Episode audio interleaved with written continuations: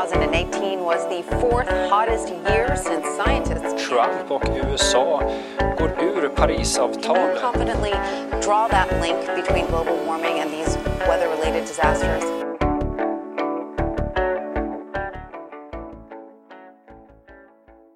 Välkommen till det stora skogsavsnittet eh, i Planet och politik med mig Lorentz Tovatt. Idag ska vi träffa Mikael Karlsson eh, som jobbar med ekosystembaserat skogsbruk och som har skrivit en bok på det här temat och som föreläser om det. Eh, vi ska prata om allt ifrån hur skogens ekosystem ser ut till vad man bör göra för att det ska bli mer hållbart. Vi kör igång.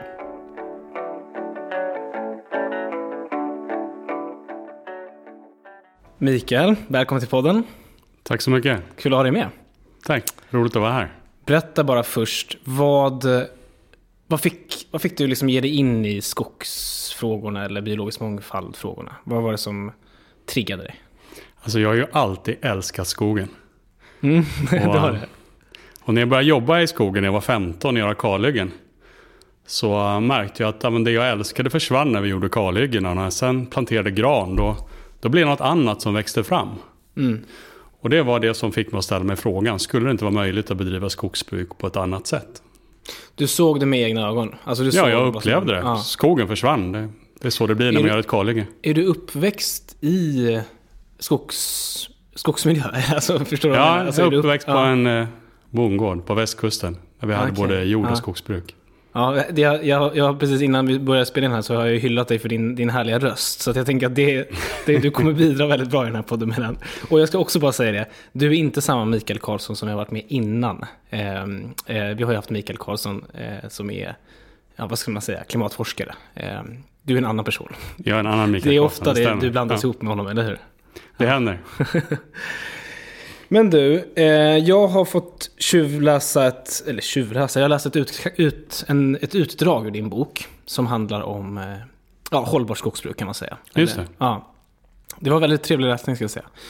Eh, jag tänker vi börjar den här diskussionen med bara backa ganska långt bak och ställa oss frågan vad är egentligen livskraftig skog och vad är, alltså, eh, vad är det för någonting? Och bio- biologisk mångfald i skogen. Vad, vad utgörs det av? Om man, om man liksom tänker brett. Så tänker vi brett och lång tid tillbaks. Då är ju en skog ju re- resultatet, det nuvarande resultatet av årtusenden och årmiljoners av evolution. Mm. Där, eh, där en för platsen naturlig skog är en- den sammansättning som både är den eh, bästa på att ta tillvara en plats förutsättningar och stå emot en plats eh, naturliga störningsregimer som översvämningar, stormar, insektsangrepp och bränder. Så det är helt enkelt en, det starkaste ekosystemet på den platsen under rådande omständigheter. Ja, okej. Så att eh, när omständigheterna förändras, då uppstår det nya ekosystem. De flyttar på sig och de utvecklas. Jag menar, vi hade is här för 15 000 år sedan. Då var det ingen skog.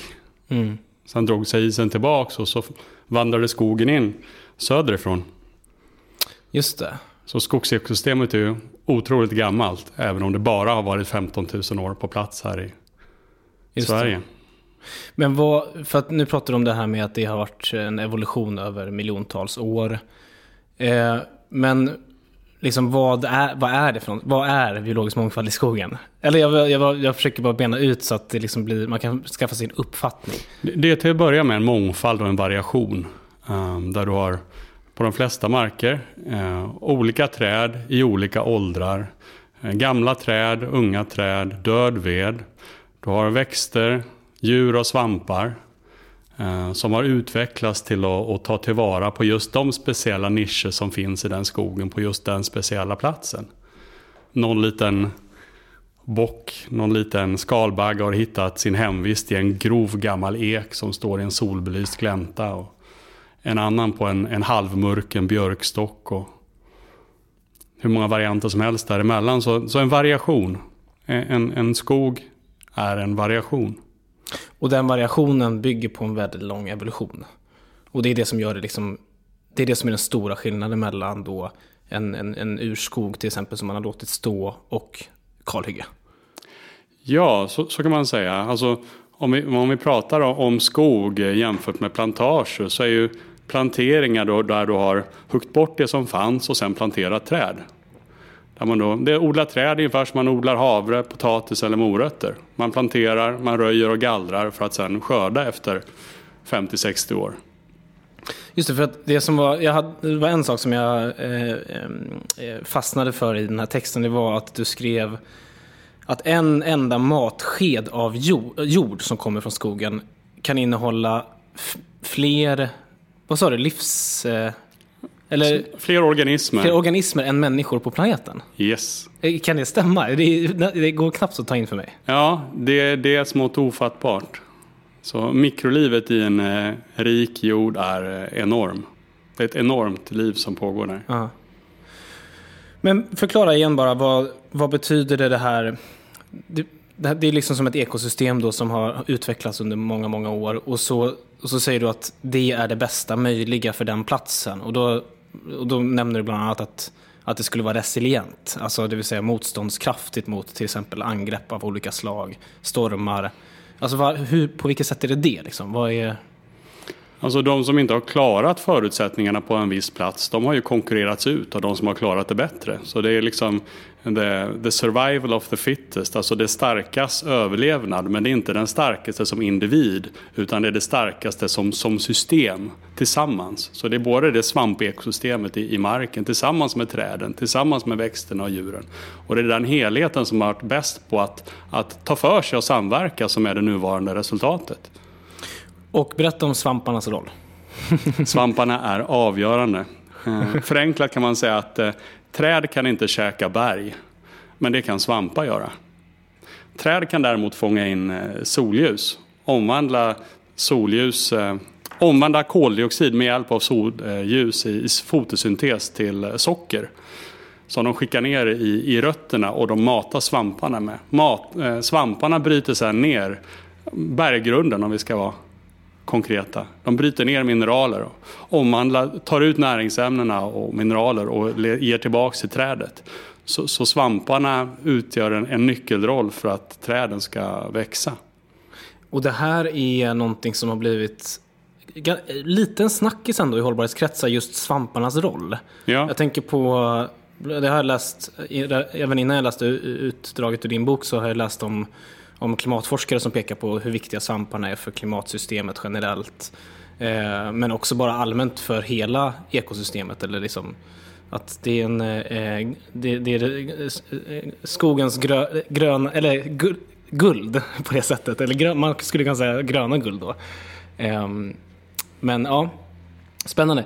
Jag tänker på svampar. Ehm, Djurlivet då? Ja, men någonting att tillägga kring svampar är att vissa svampar är generalister som går ihop med många träd. Men vissa svampar är specifika och funkar bara på ett visst träslag. Om man då tänker sig att du har en, en, en, skog där du har en variation så har du många olika träd och många olika svampar. Eh, sen, gör, sen gör du ett kalhygge. Då för, försvinner för det första de som ger svamparna mat. Så många svampar de kräver, de kräver kontinuitet. Om du sen bara sätter dit ett träslag, ja men då är det många svampar som bokstavligt talat dör ut för de får ingen mat. Så, så svamparnas roll i, i skogen är helt central och, och, för att det ska fungera så behövs en kontinuitet. Så både det avbrottet som ett kalhygge gör, eh, det utgör ett stort problem och ett annat är sen att man anlägger då en monokultur istället för den mångfald som fanns där tidigare.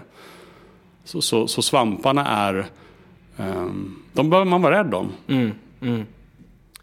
Just det, och, men, och sen så då djurlivet. För jag tänker att om man pratar biologisk mångfald i, i Sverige, eller ja, överallt för den delen, tänker jag att en väldigt viktig del är just eh, mängden av djur. Eh, och att det hör ihop också med eh, den biologiska mångfalden i, i vad gäller träd och växter generellt. Vad, vad, hur, eh, vad är din bild där? Eller vad är, vad är status där? I. Alltså djur, både djur, växt och svamplivet på land är starkt kopplat till skogen som ekosystem. Så om vi tittar globalt så är 80% av jordens landbaserade biologiska mångfald har sin hemvist i, skogen. En gång till, 80%? 80% av, av jordens landbaserade biologiska mångfald har sin hemvist i skogen. Så skogen är, är livets vagga på land kan man säga. 80% av djur, växt och svamplivet har sin hemvist i skogen. Eller hade, kanske vi ska säga. Mm. För nu sker det en väldigt snabb eh, utrotning helt enkelt. Ja, förutom klimatkrisen så har vi också pågående artutdöende. Ja. Så äh, Och det, beror, och det beror delvis på klimatförändringarna i sig, men det beror ju också på utarmningen av just den biologiska mångfalden. Att djur helt enkelt dör ut på grund av att den biologiska mångfalden eh, minskar. Eller hur? Ja, allting hänger ihop. Men om man tittar på eh, djur, växt och svamplivet så har det ut, utvecklats genom årtusenden, genom årmiljoner. I det som har varit en för platsen naturlig natur. När vi hugger bort den och ersätter med något annat, då krymper vi hela tiden eh, naturen. Vi trycker undan naturen. Och vi människor har brett ut oss otroligt mycket de senaste x tusen år sedan. Så um, enligt FN så har vi de senaste 6000 åren förlorat 1,8 miljarder hektar skog på global nivå. Av de 4 miljarder hektar som finns kvar så, så är det bara omkring 0,8 som är lågpåverkade naturskogar. Så det finns helt enkelt inte mycket skog kvar idag. Och det får konsekvenser eftersom skogen var hemvist för 80% av den biologiska mångfalden på land. Så, eh, Och det som det ofta ersätts med är ju eh, olika typer av odlingar, inte minst för, eh, för köttindustrin, eller hur? Om man tittar globalt sett så är det ju väldigt mycket att man odlar eh, foder helt enkelt för att kunna föda eh, väldigt många betande, eller ja ja mer, merparten av de skogar som har huggits ner har ju blivit åker och betesmark. Mm, mm, just det. Så vi har ungefär 5 miljarder hektar åker och betesmark på global nivå. Mm. Så vi har mer åker och betesmark än, än skog. På global nivå har vi då massutdöendet, eller massutrotandet. Mm. Eh, och sen har vi då på svensk nivå, om vi tittar lite närmare på Sverige, då har vi ju ganska många rödlistade arter. Ja, Vad är din bild där? Alltså hur illa ligger det till i Sverige när det gäller ut, ut, eh, utdöendet? Um, illa. Uh, med tanke på att vi har mindre än 0,3% urskog kvar i Sverige. uh, och vi har någonstans i storleksordningen 10, möjligtvis 15 procent av, av lågpåverkade naturskogar där det finns verkligt gamla träd, en kontinuitet och grov död ved. Så finns det helt enkelt inte så mycket plats kvar av, av verklig kvalitativ skog. Eh, Skog som vi dessutom fortsätter att hugga ner. Precis i samma stund som, som vi pratar. Så um, vi, vi i Sverige vi kan klaga på Brasilien och de skövlar regnskog. Vilket de gör, vilket är förskräckligt. Men vi har skövlat mycket mer. Mm. Så, så vi har mindre urskog kvar än vad Brasilien har om vi räknar procentuellt. Bara att vi gjorde det tidigare. Mm, mm. De gör det nu. Och för varje liten del av skogen som, som försvinner så försvinner också arter kan man säga. Alltså de trycks undan, de trängs undan. Och, och nu finns det allt mindre plats kvar. Mm, mm, Eh, Och, och där, om du hugger ner en skog, det tar ju många hundra år, för att inte säga tusen år innan de här kvaliteterna är på plats igen. mm, mm. En, en eh, ytterligare mer bakgrund. Vi ska snart gå in på och prata tänker jag om, om eh, dina lösningar och, och vad vi kan göra. Men eh, ännu mer bakgrund då. Man brukar prata om skogen som ett kollager. Mm. Det där tog många år för mig att fatta vad man menade och hur det funkar. Liksom. Men det här har ju blivit en ganska stor debatt, inte minst i ljuset av att det efterfrågas ganska mycket bioenergi till olika sektorer i samhället. Yes. Eh, när man pratar om skogen som ett kollager, vad menar man då? Det är liksom så här, den, den första intuitiva bilden som dyker upp i skallen är att man har ett lager med så här kolbitar. Ja, just det. Eh, det, men eh, så här Shore-garden-lager med fullt med kol. Men så funkar det inte. Men vad, vad, är, vad är, hur funkar skogens kollager? Ja, ja, men lite. Man kan, ju se, man kan ju se levande träd som växande kolbitar. Virke består till hälften av rent kol. Så om man tar en kubikmeter eh, virke så motsvarar en kubik ungefär ett ton koldioxid. Så om du går ut i skogen, går fram till ett träd som du precis kan krama runt, då motsvarar det ungefär två ton koldioxid. Så, så träden, de, de suger bokstavligt talat att koldioxiden ur atmosfären. Eh, Eller rättare sagt kolet ur koldioxiden ur atmosfären. Och omvandlar det till, till socker och sen så blir det virke. Så träd består till hälften av rent kol. Och, och när man då pratar om skogen som kollager så, så pratar man om, ofta om flera saker samtidigt. Um, när träd växer så, så, så, samlar de in kol. Och, och om vi tar ett kalhygge. Titta mm. på ett kalhygge då, som är tomt på träd. Då finns det inget kol över mark för träden är borta. Så kollagret på ett kalhygge är tomt över mark. Mm. När sen eh, träden växer upp igen, det vill säga att det blir en skog som växer upp. Mm. Inte bara ett plantage utan det blir en skog som växer upp. Och så ger vi det lång tid så, så står där eh, efter lång tid flera hundra kubikmeter motsvarande flera hundra eh, ton koldioxidekvivalenter per hektar. Så då kan du säga, se, du kan se ett kalhygge som ett tomt kollager och en uppväxt skog som ett fullt kollager. Så när skogen växer, då, då, har du en, då ökar kollagret för varje år. Så skogen lagrar in kol över mark. Det binds tillbaka helt enkelt. Det binds tillbaka. Mm. Problemet är att när du gjort kalhygget, då har du tömt kollagret. Mm. Så du ligger ju på minus ända till skogen har växt tillbaks. Mm. Så när man pratar om bioenergi som koldioxidneutralt så skulle jag säga att ja, alltså det beror på på vilken tidshorisont som vi räknar. För hugger du in ner en skog där det finns 300-åriga träd i, i Norrland, ja men då tar det väldigt lång tid innan det har växt tillbaks igen. Och fram tills dess så ligger vi på minus. Mm. Och det där är ju svårt för att när man pratar om de frågorna så man blandar ofta ihop liksom just det här tidshorisonten har, har folk inte riktigt greppat. Precis. Om man tittar på svenska skogen i stort ja. så ligger vi ju plus. Alltså det gör vi ju om man tänker liksom ja, över men många att någonting års... ligger plus gör inte att det är bra.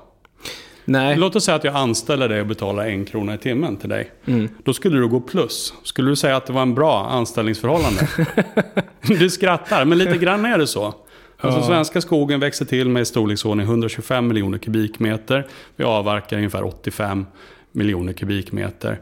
Um, men, men det är en sanning med modifikation för tillväxten räknas hela den svenska skogsarealen. Avverkning gör vi bara på delar av skogsarealen. Så vi avverkar ungefär hela tillväxten på, i den produktiva, alltså i de områdena där vi bedriver skogsbruk.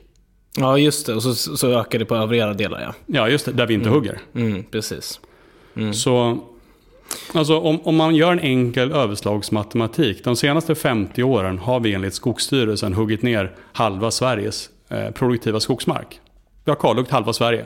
Den produktiva skogsmarken de senaste 50 åren. Eh, det betyder att halva Sveriges produktiva skogsmark är i genomsnitt 25 år.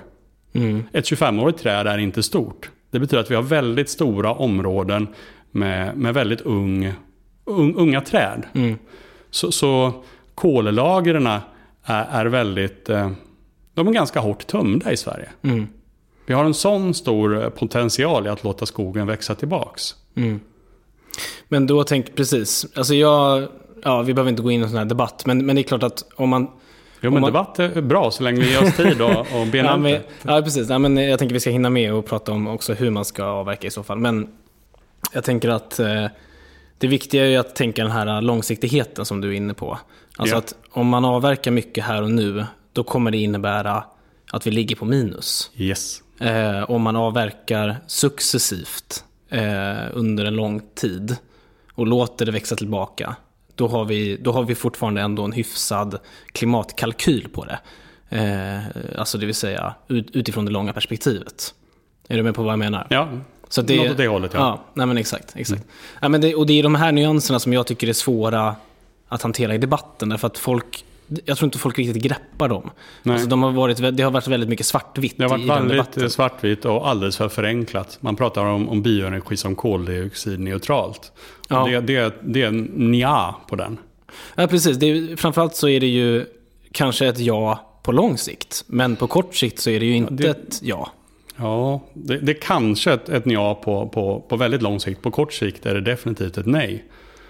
Ja. Alltså det är inte koldioxidneutralt. Så om man tittar istället, jag menar, om vi gör biogas på matrester, mm. som annars bara skulle legat och, och ruttnat och gått upp i atmosfären. Mm. Och istället fångar vi in det och gör gas av, ja men då kan vi säga att ja, men det är väl typ koldioxidneutralt. För det skulle väldigt snart varit uppe i atmosfären ändå. Men om vi hugger ner en skog som lever och som fungerar mm. och det tar flera hundra år för den att komma tillbaka om vi är uppe mm. i Norrland. Då, då kan vi inte kalla det koldioxidneutralt idag. För då lånar vi av framtiden. Och det har vi redan gjort alldeles för mycket. Mm, ja men så är det ju verkligen.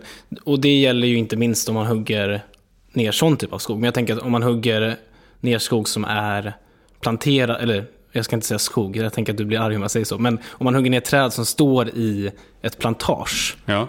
Då, och så har man snabb, snabbväxande skog som kommer tillbaka efter tio år. Och då har man ju, i, åtminstone i teorin, en klimatneutralitet på tio års sikt. Är du, ja, då. Finns... I, I, teorin så har du rätt, men problemet är mer komplext. Mm. Därför att vi behöver även prata om biologisk mångfald. Exakt, vi kan exakt. inte bara, bara prata ja. om, om, klimat och sen säga mm. hur kan vi maximera kolinlagringen eller koltillväxten på ett mm. visst hektar. Utan vi måste se, det behöver även funka för den biologiska mångfalden. Mm. Och vi har redan ganska många intensiva aktiviteter vi människor. Till exempel en stad är väldigt högpåverkande. Där är naturen i princip helt borta. Mm. Eh, vi har åkermarker där, där också eh, skogen bortträngd. Så, så på de områdena där vi har möjlighet att, att bedriva eh, i det här fallet då skogsbruk på ett sådant sätt att naturen också kan finnas där samtidigt. Då behöver vi helt enkelt göra det för att klara mm. den biologiska mångfalden på global nivå. Men nu nämnde, du nämnde en sak nu som jag faktiskt hade tänkt fråga dig, nämligen jordbruket och liknande. Jag tänker, det har ju kommit, det kom ju en utredning i början av det här året som, som eh, föreslår att man skulle återbeskoga en del eh, mark som idag är åkermark eller eh, liknande. Eller det var kanske framförallt fokus på att kanske beskoga kanterna på åkrarna och liknande. Och det där är någonting som jag tycker är en spännande fråga därför att ehm,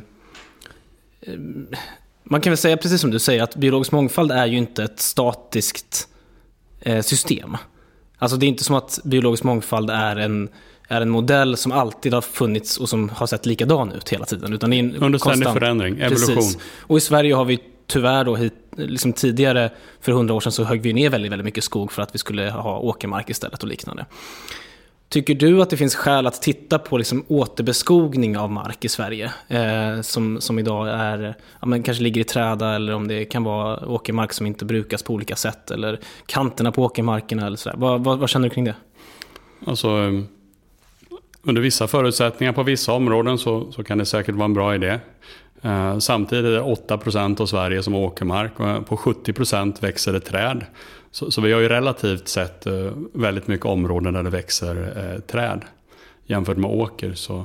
Då föredrar du kanske hellre att man fokuserar på att återskapa naturlig skog på marker där man istället nu har kalhyggen.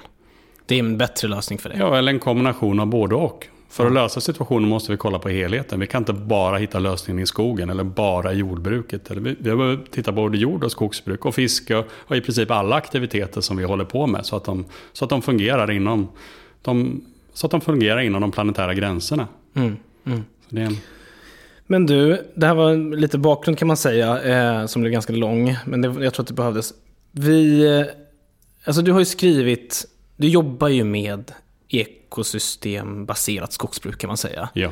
Eh, vad är det? Ekosystembaserat skogsbruk eh, handlar om ett skogsbruk där man jobbar med naturen som förebild. Där man vill att den brukade skogen ska vara så lik en för platsen naturlig skog som möjligt. Helt enkelt därför att det är den skogen som, den kommer gratis.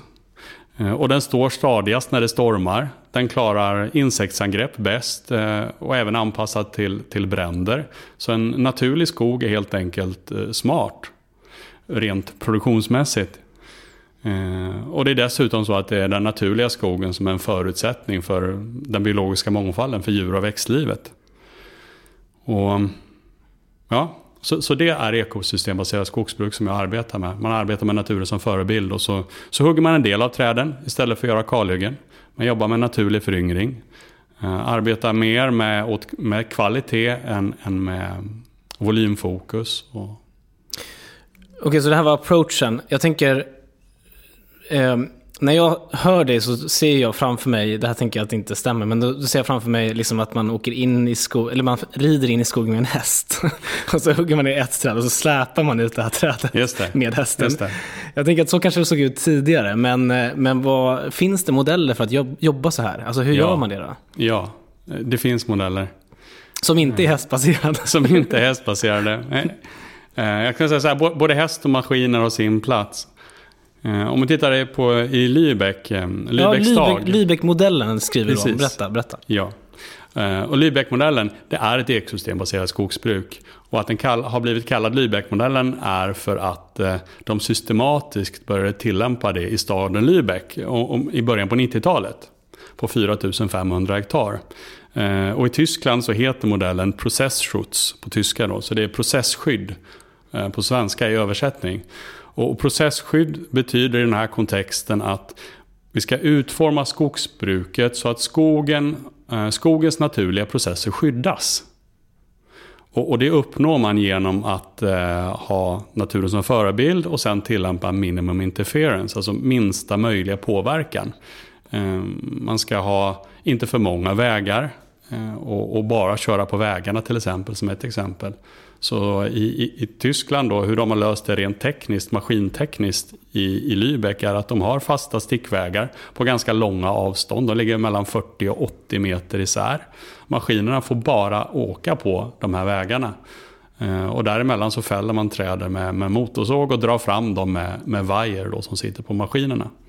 Jaha, där kommer istället för hästen då? Istället för hästen. De använder ja. faktiskt häst också i en del yngre skogar i Lübeck.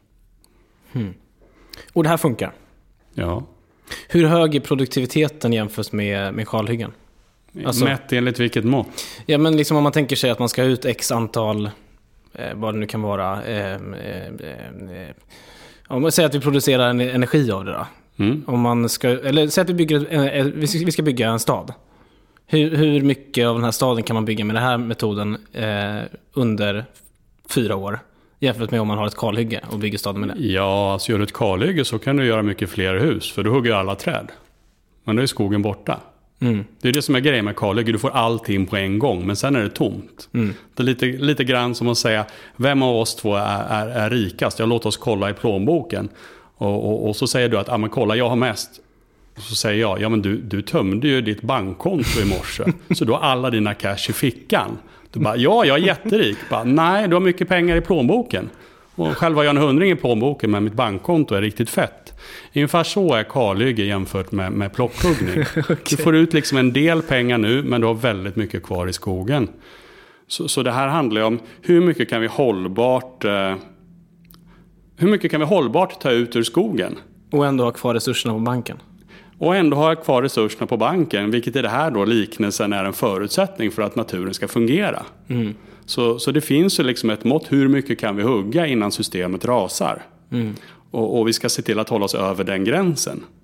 Gör, gör du kalhyggen på stora områden, då har vi gått långt över gränsen. Gör du plockhuggning och kanske gör ett uttag på, låt oss säga var, var tionde träd. Eller två träd av tio, beroende på.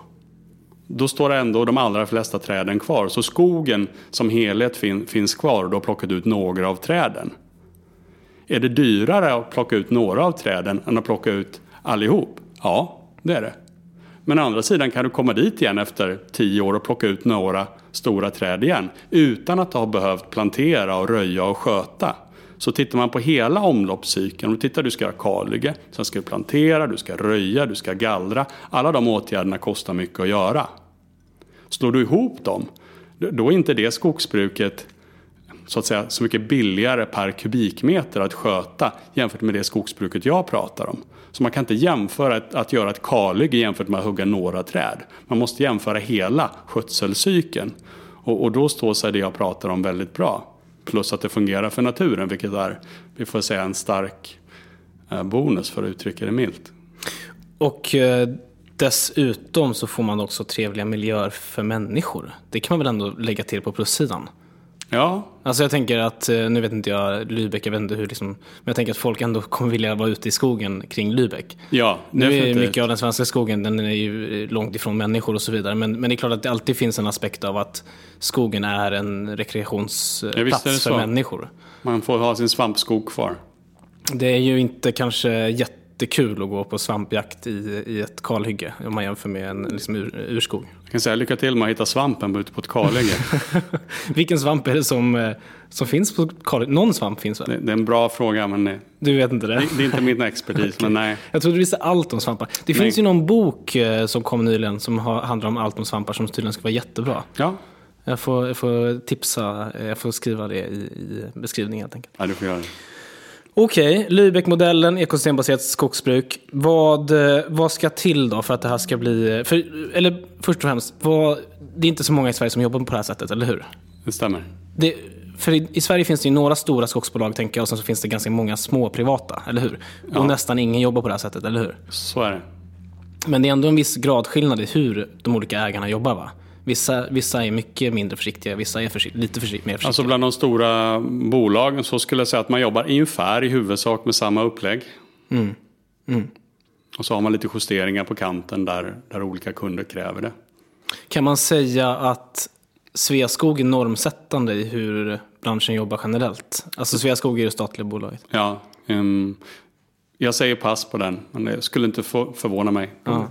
Ja, men för det är ju ändå, jag tänker att om ett stort statligt bolag tillåter sig själva att vara eh, ganska så oförsiktiga, vilket ändå är min ganska bestämda uppfattning om att de är, då tänker jag att det ändå kommer liksom skvätta. Kan, kan du förklara för mig hur man gör ett försiktigt kalhygge? Ja men exakt. exakt. Nej men precis. Så att, eh, men då finns det i alla fall en som jobbar med detta och det är du. Ja, Nej, men, men om man tänker då att vi ska vi gärna vill ha skogsbruk som går mer åt den här riktningen. Det känns svårt att se en, en framtid här och nu där alla skulle gå över till det nu direkt. Men om man tänker sig att man ska gå åt det hållet. Vad tycker du krävs framöver? Jag menar, en sån del som vi jobbar mycket med det är ju att höja anslagen till skydd av värdefull natur och skog. Det är ju en sån del, antar jag. Sen så kan man ju jobba med liksom ägardirektiven för, för Sveaskog naturligtvis. Och sen så kanske man borde se över lagstiftningen i grunden. Nu bara nämnde jag tre saker. Vad, vad, är, din, vad, är, dina, vad är din önskelista? Ehm, Var ska du börja? Det är, det är en bra fråga. Ehm, för att en omställning ska få fart så skulle jag säga att tre, tre saker behöver komma på plats. Ehm, för det första så behöver det finnas eh, tillgänglig kunskap kring hur man bedriver ett ekosystembaserat skogsbruk. Den behöver finnas lättillgänglig för, alla som är intresserade och berörda. Det är nummer ett. Och jag tror att skulle vi ha eh, fri tillgänglig kunskap på plats, då kanske vi skulle nå en omställningsgrad på 5-10%. Det andra som behövs är att eh, vi behöver utföra, vi behöver... Vänta, förlåt. Ta om det där. Om, om vi skulle ha till, tillgänglig information, då tror du, vad sa du en gång till? 5-10% är min gissning. Då skulle 5-10% av skogsbruket bedrivas på det sättet jag pratar om. Ah, och då tänker du att det är lite, framförallt lite mindre privata skogsägare som skulle gå över till det? Ja. För att de helt enkelt fick den? Ja, men det är ju intressant ändå. Och- och Privata det, skogsägare och, och kommuner. Ja, just det. Just det. Ja, okej. Ja. Vad sa du nästa? Eh, Nästa sak är att vi behöver ha något, något, något, vi behöver ha system som gör det praktiskt eh, enkelt att tillämpa det jag pratar om. För, för i dagsläget så är det några få i Sverige som, som kan det här skogsbruket, som kan gå ut och lä- gör, planera och säga att så här ska vi göra. Och, och det är ju en, det är en flaskhals. Det måste bli mycket enklare att tillämpa det här skogsbruket. Ehm, det här är en fråga som jag arbetar med. Och hur man helt enkelt kan eh, digitalisera den kunskapen som jag har. Ehm, för det går att göra. Ja, vi pratade ju här innan om din bok, att du vill göra den... Ja, ja, men jag menar ett, den, par ja. steg till. Så att Ja. om du tar med dig en, en smartphone ut i skogen, då ska du kunna få svaret på platsen genom att bara eh, med hjälp av GPS så ska jag säga, aha, så här ser en naturlig skog ut på den här platsen. Jaha, så här sköter man en naturlig skog. Då är, liksom, Ah. då är den här kunskapen, du har svaret ute i skogen. För nu måste du läsa en bok och sen ska du förstå boken och sen ska du läsa naturen. Så det är en ganska lång process. Men om allt det här fanns i, i, i en app så du basically hade svaret i telefonen. Precis som du går med Google Maps så kan du gå med en skogsbeskrivning. Eh, Då tror jag vi skulle nå mycket längre. Då kanske vi skulle nå 10-20% och liksom blev lätt omsättningsbart. Så att de som är ute och jobbar i skogen väldigt lätt skulle veta, aha, de här träden ska vi välja, de här träden ska vi hugga nu. Så liksom lätt att tillämpa. Så det första är kunskap, det andra är lätt att tillämpa. Eh, Men sen är det ju så här att När du har ett ekosystembaserat skogsbruk, där målet är att du ska ha en uppväxt skog över hela fastigheten, då ger det mer pengar per hektar än vad kalhyggesbruket gör i genomsnitt. Ja, det gör det. Ja, ja, det gör det. Det ger mer pengar. Det finns en hake. Vi har huggit ner halva Sverige de senaste 50 åren. Det tar lång tid innan det finns träd som har högt värde att vänta. Så om vi då kan börja plockhugga med bra lönsamhet på, låt oss säga, en liten del av arealen i Sverige. 10-20 procent. Och på den andra delen av arealen så behöver vi vänta till skogen har växt till sig. För där, där finns helt enkelt inte tillräckligt med stora träd. Då har vi en situation där, där vi behöver vänta. Ja, hur stora var de grova tallarna som, som man sågverksindustrin högg i slutet på 1800-talet? De var 300-400 år. Och, och ska vi ha 300-400-åriga tallar och utgångsläget är 50 år, ja men då snackar vi i storleksordning 300 år bort. Och det är väldigt lång tid. Så om vi skulle kunna få till en mekanism som gjorde att skogsägare fick ersättning för att ställa om skogsbruket. Fick ersättning för de ekosystemtjänster som uppstår när man ställer om skogsbruk. Till och med till exempel att de lagrar in mer kol. Då skulle vi få till en snabb omställning av skogsbruket. Och ska vi nu nå FNs, eller Parisavtalets 1,5 graders mål, då behöver vi sätta fart nu. Vi kan inte vänta på att omställningen av skogsbruket ska ta 50 år. Vi, vi, jag skulle säga att vi, vi behöver nå, vore bra om mer än hälften har blivit omställt till 2030. Mm. Eh, ännu äldre allt. Det fanns en rapport som, som heter Natural Climate Solution som kom i tror jag, september 2017 som tittar på just det här. Hur mycket koldioxid skulle vi kunna lagra in genom att dels eh, ställa om till ett ekosystembaserat skogsbruk. Eh, dels återbeskoga en del av det som idag är åker och betesmark, till exempel regnskogsområden. Och, och även restaurera ekosystem. Vi har dikat mycket våtmarker. De läcker mycket kol. Om vi skulle göra det här så skulle vi kunna lagra in över 20 miljarder ton koldioxidekvivalenter per år. Okej. Vilket är ungefär hälften av alla mänskliga utsläpp. Så gör vi det i kombination med att, med att fasa ut fossila drivmedel. Då kan vi fortfarande nå Parisavtalets 1,5 graders mål. Men det förutsätter att vi sätter fart nu och turbofart. Och där är ju en av utmaningarna just att en hel del av utfasningen som sker av fossilt sker ju med just bioenergi. Så det Ja. är ju, men, men, det är, ja, men jag, jag köper det. Det är en, det är en superutmaning. Ja, det är, en, det, är en, det är en omöjlig väg. Vi kan inte ersätta fossilt med bioenergi för då, då skapar vi problemen på ett annat Vi, vi flyttar utsläppet av, av kol och vi raserar ekosystemet. Så bioenergi, ja, på sin nisch. Där, där det så att säga blir över kol. Men, men inte Ja. genom att omvandla naturen till, till energiplantager. Det, det har vi inte tillräckligt med natur kvar. Nej, precis. Man ska ju alltid tänka... Det var något, jag hade något samtal med någon som sa When they go low, we go lower. Så man ska alltid tänka det som blir över om man väl ska producera energi. Ja, alltså om man tittar Men- på den stora matematiken. Vi, eh, vi har 4 miljarder hektar skog globalt och vi har 5 miljarder hektar åker och betesmark. Och om vi då, det betyder ungefär 9 miljarder. Vi har ungefär 1 hektar skog och odlingsbar mark per person i världen. Ett hektar, 100 gånger 100 meter, that's it. Och det ska räcka både till naturreservat, till skogsbruk, till matproduktion. Vi, vi är helt enkelt väldigt många så vi behöver tänka smart. Ja, det tål ju att tänkas på vad politiken kan göra här. Men, eh, men som sagt, det vore ju väldigt spännande att hitta just ett, en ersättningsmodell som innebär att man ska binda tillbaka mer kol. Och gå, ja, Ja. försöka gå över till så mycket En ekosystem. ersättningsmodell som leder till att vi... För En där- restaurering av, av naturen helt enkelt. För där finns det ju, eller åtminstone har funnits, nu vet inte jag exakt hur det ser ut i budgeten med tanke på att Centerpartiet är med och förhandlar den. Men, men eh, vi har ju tidigare haft det här, det här ersättningssystemet för bi- nyckelbiotoper, alltså ex, extra värdefull, eh, eh, värdefulla skogsområden. Eh, och det är ju en ersättningsmodell, men, men du skulle egentligen vilja ha att man tittar på hela skogsbruket eh, och går över mer mot en sån modell då. Jag skulle säga att det är en förutsättning för att vi skulle nått miljömålen. Mm, mm, mm. För vi, vi nådde ju som bekant inte ett enda av miljömålen kopplat till, till skog. Mm. Vilket är... Ja, Skandal. Det är skandal. det är skandal. Ja, vi hade det är ju- jättefina miljömål och nådde inte ett enda ett kopplat till, till skog. Vi nådde ett av miljömålen och det var ozon. Och det var tack vare att vi kunde byta en gas till en annan i, Mm. i, i, en, i, i kylskåp till exempel. Så, så de miljömål som var kopplade till naturen så nådde vi inte ett enda. Ja, det är skandal. Har till och med gått åt fel håll på många områden. Mm. Det är ju eh, en ganska stor utmaning eh, kan man ju säga att vi ska sitta och komma överens om den här politiken med eh, skogsindustrins parlamentariska gren Centerpartiet. Nej, jag skojar bara. De är inte här och kan försvara sig så jag ska inte hålla på så. Men, äh, men det är en jätteutmaning politiskt, eh, kort sagt. Men du, vi måste runda av. Tiden, tiden är ut. Ehm, tack för att du kom till podden. Jättekul. Kul. Tack att vara här. Roligt.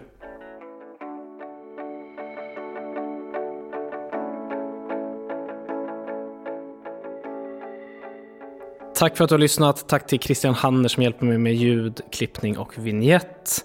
Eh, I vanlig ordning kan ni kontakta mig om ni vill det på framförallt på sociala medier, Instagram eller Twitter eller liknande. Eh, och det kommer ett nytt avsnitt nästa vecka. Vi hörs då.